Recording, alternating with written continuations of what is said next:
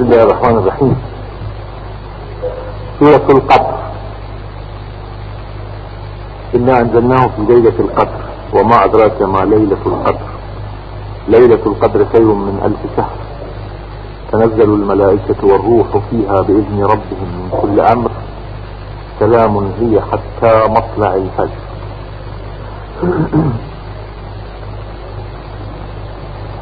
هذه السورة وصف لنزول القرآن الكريم وتأثير القرآن الكريم على تاريخ البشر وعلى حياة الإنسان في كل مكان. ويقولون المفسرون في شأن نزول هذه السورة أن النبي الكريم صلى الله عليه وسلم وجد في المنام أو بشيء من الإلهام. أحس بأن بعد وفاته الخلافة تصبح بيد بني أمية. بنو أمية الخلفاء الذين حكموا بعد رسول الله وبعد خلافة الخلفاء الأربعة الأول ابتداؤهم معاوية أول الخلفاء الأمويين معاوية. ويقول المؤرخون أن الخليفة عثمان أيضا كان له آه نسبة أو ارتباط بهذه الأسرة. ولكن المهم في أيام الخليفة عثمان أن الأمر كان بيد سهر مروان. ومروان ابن الحكم هو كان حاكما. ولهذا بعض المؤرخين يعتبرون أن حكم بني أمية بدأ من أول خلافة عثمان. فعثمان أيضا منهم. وعلى كل حال فسواء كان أو لم يكن رسول الله صلى الله عليه وسلم أحس بأن الخلافة تصبح في يد بني أمية. وفي شكل هذه الرؤية خلاف في التفاسير انه كيف وجد. ولكن في أصل الموضوع ما في خلاف موجود في تفاسير الشيعة وموجود في تفسير الدر المنثور للسيوطي وفي تفاسير أخرى في جميع التفاسير الموجودين عند مختلف فرق المسلمين. موجود هذا المبدأ أن رسول الله وجد أن بني امية سوف يحكمون على بلاده ويصعدون منبره. فحزن بذلك كثيرا أن نزلت هذه السورة المباركة. اولا ليش رسول الله حزن من حكم بني أمية. هل لأجل المنافسة التقليدية التي كانت بين بني هاشم وبين بني أمية؟ طبعا لا. لأن الإسلام قضى على التعصب العائلي والتعصب القبلي والتعصب العنصري واعتبر أن الخلق سواسية كأسنان المس ولا فضل لعربي على أعجمي إلا بالتقوى ولا لأبيض على أسود ولا لأحمر على أبيض. وهكذا قبل الإسلام كان خلاف بين بني أمية وبني هاشم خلاف عنيف. ولكن هذا الخلاف سواء كان الحق مع بني هاشم. أو لم يكن بعد الإسلام النبي ما كان يحمل هذا الخلاف ابدا بوجه من الوجوه.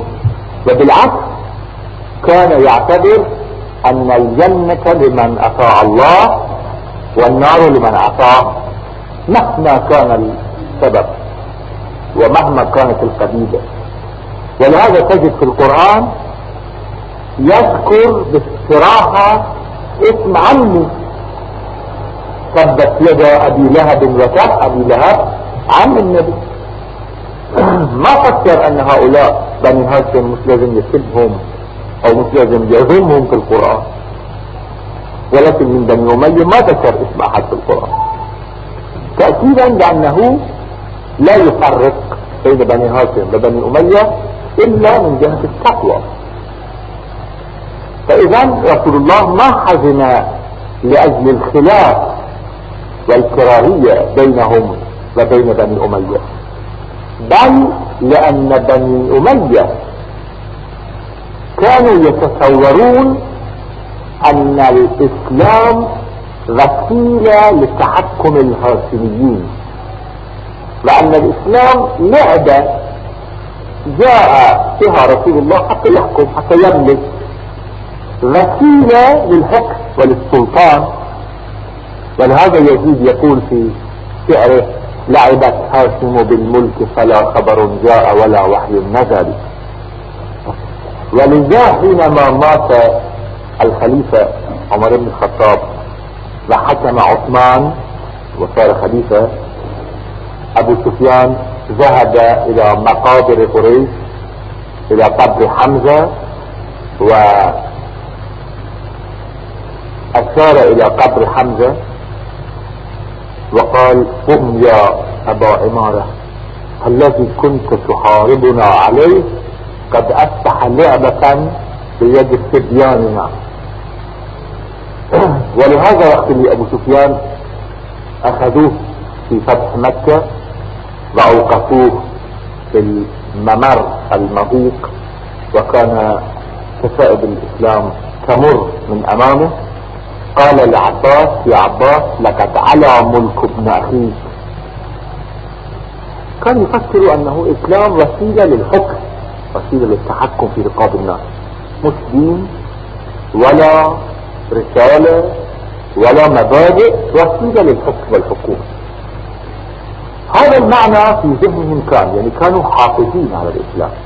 فرسول الله كان يفكر أنه إذا حكموا وسيطروا على الخلافة فسوف يحرفون الدين. فسوف يضيعون ويفسدون من الداخل. وهل هناك خطر أكثر من أن عدو الإنسان يدخل في بيته؟ والحقيقة هكذا كان. يعني حاولوا بكل ما عندهم من القوة. إذا استعرضنا تاريخ بني أمية نجد أنهم حاولوا بكل ما عندهم من القوة أن يقضوا على الإسلام. قتلوا المسلمين الأبرياء مثل حج بن عدي مثل عمرو بن حنيف النفي والتفريق كانوا يستعملوه بكل سهولة. كانوا من أيام معاوية غيروا الخلافة إلى الملك. حولوا بيت المال بيت مال المسلمين إلى مال خاص للملك.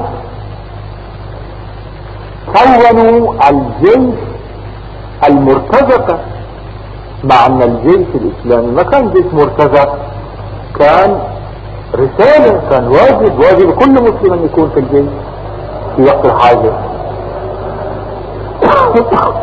أباحوا أعراض الناس وتصرفوا تصرفات شاذة قتلوا الإمام الحسين اغاروا المدينة وقتلوا فيه مقتلة كبيرة في أيام يزيد حاولوا هدم الكعبة هتكوا حرمة المسجد. هذا وليد ابن عبد الملك عبد الملك بعث جارية موسى صلت صلاة الصبح بالناس ضرب القرآن بالنبال في قصة معروفة. هذه المسائل مسجلة في تاريخ بني أمية بشكل واضح. ووصلوا إلى درجة أعلنوا وكشفوا عن وجههم لعبت قاسم بالملك فلا خبر جاء ولا وحي النساء فإذا بني أمية كانوا ناويين للقضاء على الإسلام. فالنبي تأثر جدا. بنصيب هالتعب وهالجهد وهالمشقة وهالأذى الذي تحمله في سبيل الدعوة؟ كيف بده كله يروح فبعد ما حزن نزلت هذه السورة المباركة. فخلاصة السورة حسب هذا التفسير بأنه يا رسول الله لا تحزن. صحيح أنهم يحكمون الشهر. الشهر يعني ثمانية ونيف من السنين. ثمانين ونيف من السنين. الشهر يحكمون. ولكن لا يتمكنون من القضاء على رسالته. بالتباقي وإن أرادوا القضاء عليه. ولهذا الآية الكريمة هكذا تقول إنا أنزلناه في ليلة القدر. نحن أنزلنا القرآن في ليلة القدر. أنت ليلة القدر؟ نفهم من ضمن هذه الآية للآية الثانية التي تقول شهر رمضان الذي أنزل فيه القرآن نفهم من آيتين أن شهر ليلة القدر في شهر رمضان. متخيل؟ يا شيخ الشهر إنا أنزلناه في ليلة القدر. في سورة ثانية يقول إنا أنزلناه في شهر رمضان شهر رمضان الذي أنزل فيه القرآن. فإذا ليلة القدر في شهر رمضان. ليلة القدر ليس ليلة القدر؟ لأن ليلة القدر قدر فيه وحدد فيه الأحكام بواسطة القرآن. وضع حدود للحلال والحرام. تعين كل شيء. تبين معالم الهداية وطرق الضلال. إنا أنزلناه في ليلة القدر. وما أدرك ما ليلة القدر. هذا تعظيم. ليلة القدر خير من ألف شهر. هذه الليلة أحسن من ألف شهر أيام حكم بني أمية. فيه أحسن؟ يعني تأثير هذه الليلة على التاريخ وعلى حياة الإنسان أكثر من تأثير ألف شهر. يعني كل عمل خلال ألف شهر ثمانين سنة هذه الليلة تقضي على كل أعماله. لا تحزن. هذا أصل الموضوع. ليلة القدر خير من ألف. هناك قبل ما ندخل في توصيف ليلة القدر بحث آخر. هذا البحث حول كلمة نزول القرآن. إنا أنزلناه في ليلة القدر. فإذا القرآن نزل في ليلة القدر. إنا أنزلناه في ليلة مباركة في سورة أخرى. شهر رمضان الذي أنزل فيه القرآن في سورة أخرى. فإذا القرآن نزل في ليلة واحدة. مع أن الآثار والتواريخ تثبت بأن القرآن نزل في خلال ثلاثة وعشرين سنة.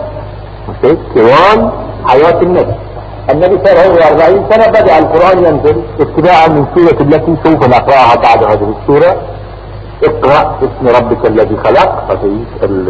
أول آية نزلت على رسول الله صلى الله عليه وسلم. ثم استمر الوحي إلى آخر حياة رسول الله. 23 سنة القرآن كان ينزل بالتدريج. كيف القرآن يقول إنا أنزلناه في ليلة القدر؟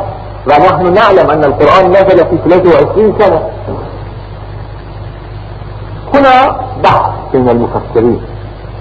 قسم منهم يقولون أن إنا أنزلناه في ليلة القدر يعني إنا أنزلناه يعني بدأنا بالإنزال. يعني في هذه الليلة الآية الأولى نزلت ثم استمرت إلى آخر الليلة. يعني قالوا القرآن نزل بالتدريج ب 23 سنة لكن بدء النزول كان ليلة القدر. هذا وجه جامع منهم قالوا لا. آخر القرآن نزل في ليلة القدر. اكتمل القرآن. الإنزال الكامل حصل في هذه الليلة. بعض التفاصيل التي تستند إلى الروايات تقول في ليلة القدر كان يعاد نزول القرآن الذي نزل خلال السنة. يعني مثلا من أول هذه السنة لآخر السنة كان ينزل من القرآن آيات ووحي. كان ليلة القدر تكرر جميع هذا على قلب رسول الله حتى يصدق ما عندهم بالوحي حتى لا يصير فيه أخطاء أو لا يصير فيه زلل بالنسبة لهالموضوع فإذا في خلال 23 سنة كل ليلة من ليالي القدر يعني ليلة السنة مش كل ليلة كان يكرر كل هذا الشيء. فهذا بمقتضى بعض الروايات أنه كان ينزل القرآن الذي ينزل في خلال السنة ينزل أيضا ليلة القدر للمرة الثانية. هذا كما رأى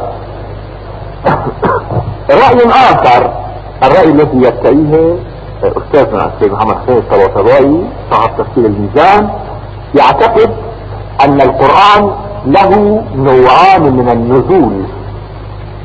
نوع دفعي ونوع تدريجي.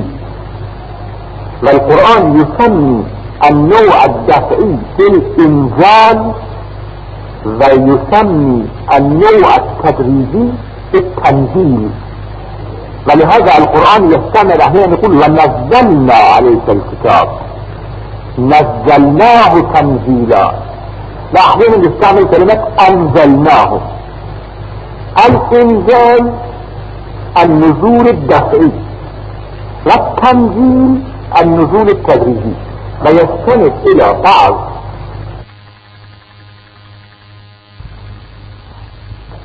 نزلناه تنزيلا. لا أحيانا بيستعمل كلمة أنزلناه. الإنزال النزول الدفعي. والتنزيل النزول التدريجي. فيستند إلى بعض مصطلحات عند العرب وفي بعض الشعر وفي بعض المصطلحات باب التفعيل وباب الإفعال حتى يثبت هذا المبدأ. فيقول أن القرآن دفعة واحدة نزل في ليلة القدر على قلب النبي. فالنبي عرف كل شيء وأصبح نبيا.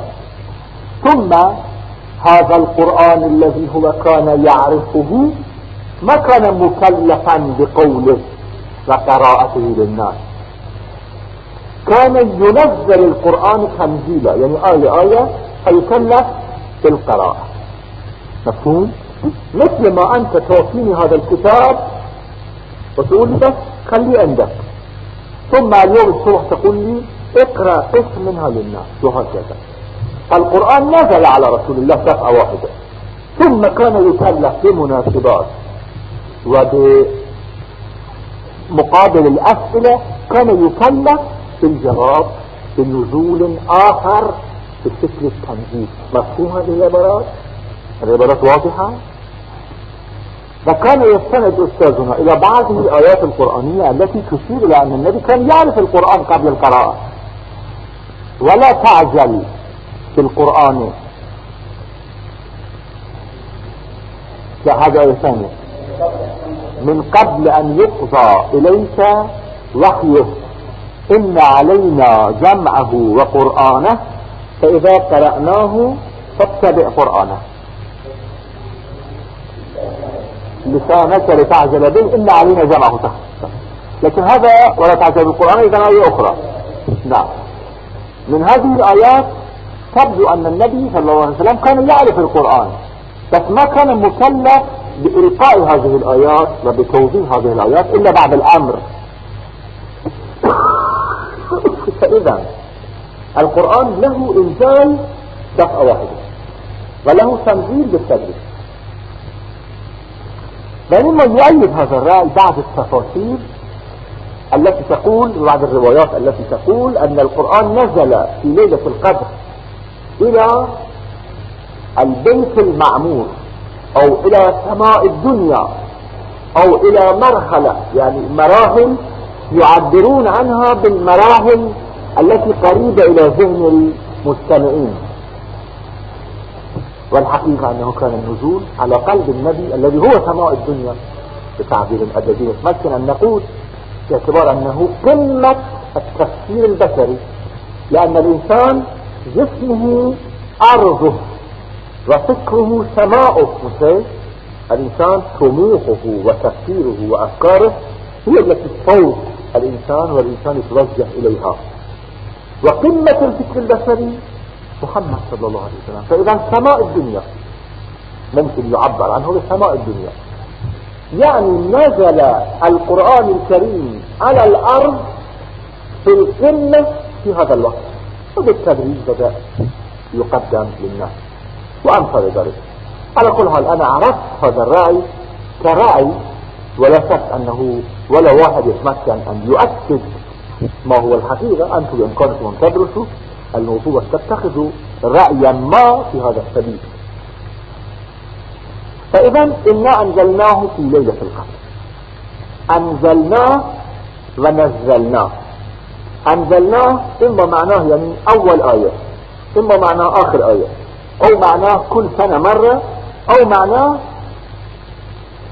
الإنزال والتنزيل الدفع التدريجي والدفع النزول الدفعي إنا أنزلناه في ليلة القدر.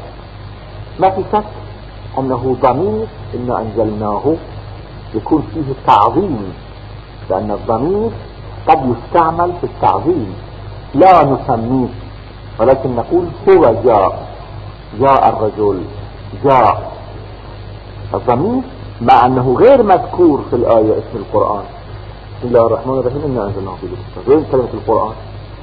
نوع من التعظيم والتفخيم في ليلة القدر. ما هي ليلة القدر؟ حسب ما قلنا ليلة القدر يعني ليلة نزول القرآن. باعتبار أن في ليلة نزول القرآن خذر كل شيء وتحدد كل شيء وتبين معالم كل شيء واتضحت طرق الهداية والضلال. بناء على هذا نحن ليش نحتفل بليلة القدر كل سنة؟ باعتبار أنها أعظم ليلة في تاريخ الإنسان. ليلة تبين كل شيء ولهذا نحتفل به. احتفالنا بيوم مولد النبي أو بعيد الأضحى أو بعيد الفطر هذا معنى. ولكن ظاهر كثير من الروايات أن ليلة القدر مستمرة بعد النبي صلى الله عليه وآله وسلم. لو كان ليلة القدر ليلة نزول القرآن فقط كان انتهى انتهاء النبي.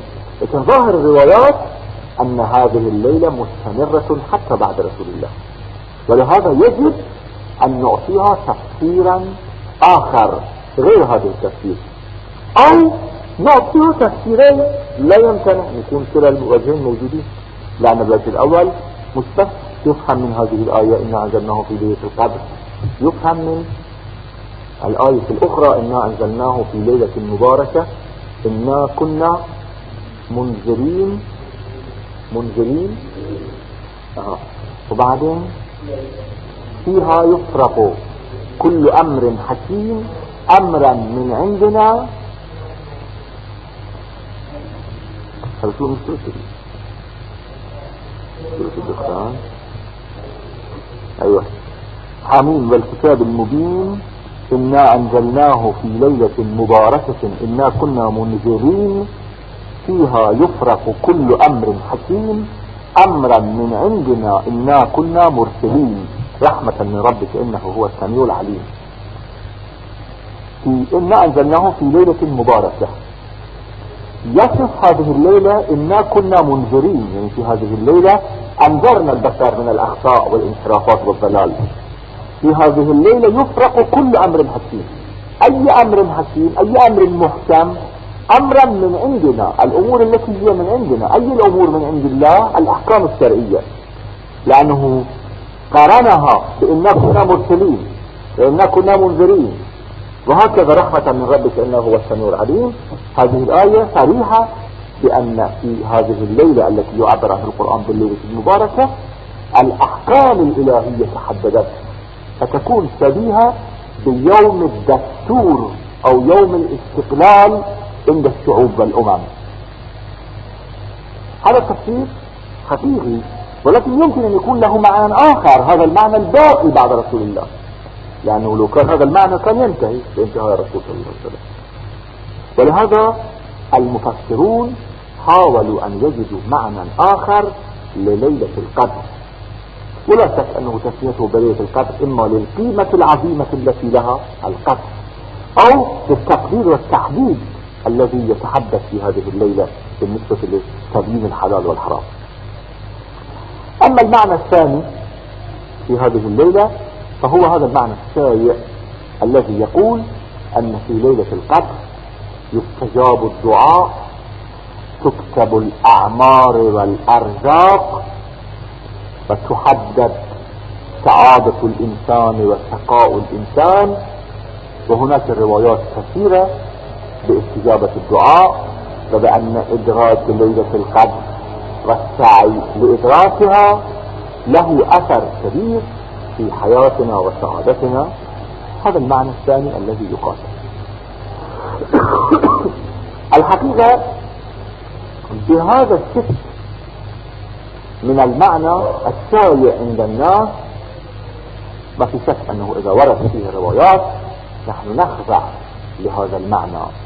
ولكن بإمكاننا أن نوجه ونوضح هذا المعنى بشكل آخر يكون أقرب إلى الطرق الإسلامية في التفكير وأقرب إلى الروايات وفي نفس الوقت أقرب إلى المنطق.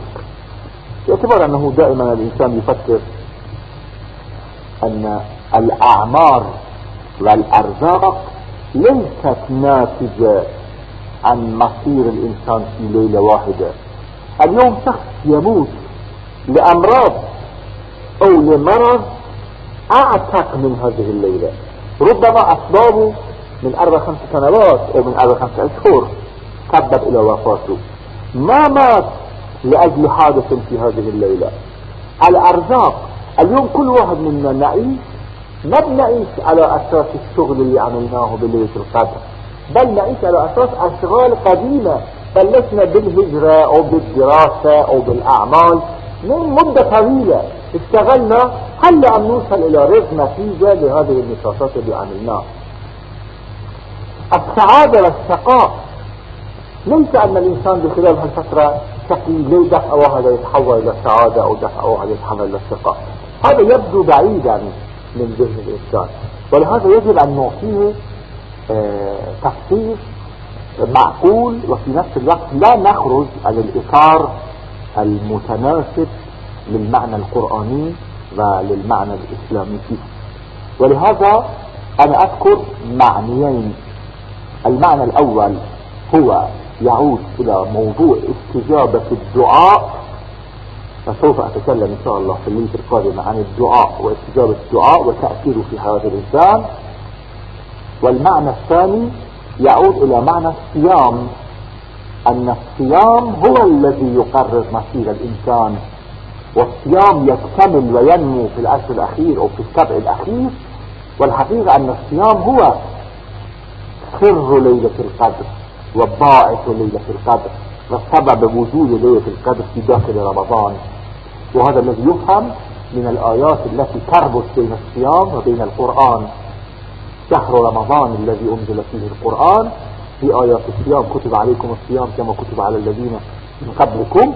في هذه الآيات حينما يذكر القرآن موعد الصيام يقول شهر رمضان الذي أنزل فيه القرآن. دائما يقرن شهر رمضان بنزول القرآن حتى يربط بين نزول القرآن وبين الصيام هل هناك من علاقة ورابطة؟ هذا الشيء الذي نذكره إن شاء الله في هذه المناسبة في الليالي القادمة. الليلة نكتفي بهذا المقدار بهذا المقدار باعتبار أن سورة إنا أنزلناه من أهم سور القرآن و كانت تقرأ في أكثر الصلوات التي كانوا يقرأوها أئمتنا. سورة إنا أنزلناه كثير كانوا يحسبوا فيه ولهذا سوف نفصل في تفسيرها بمناسبة ليلة القدر. ثم نكفي تفسيرها آخر السورة. غفر الله لنا ولكم.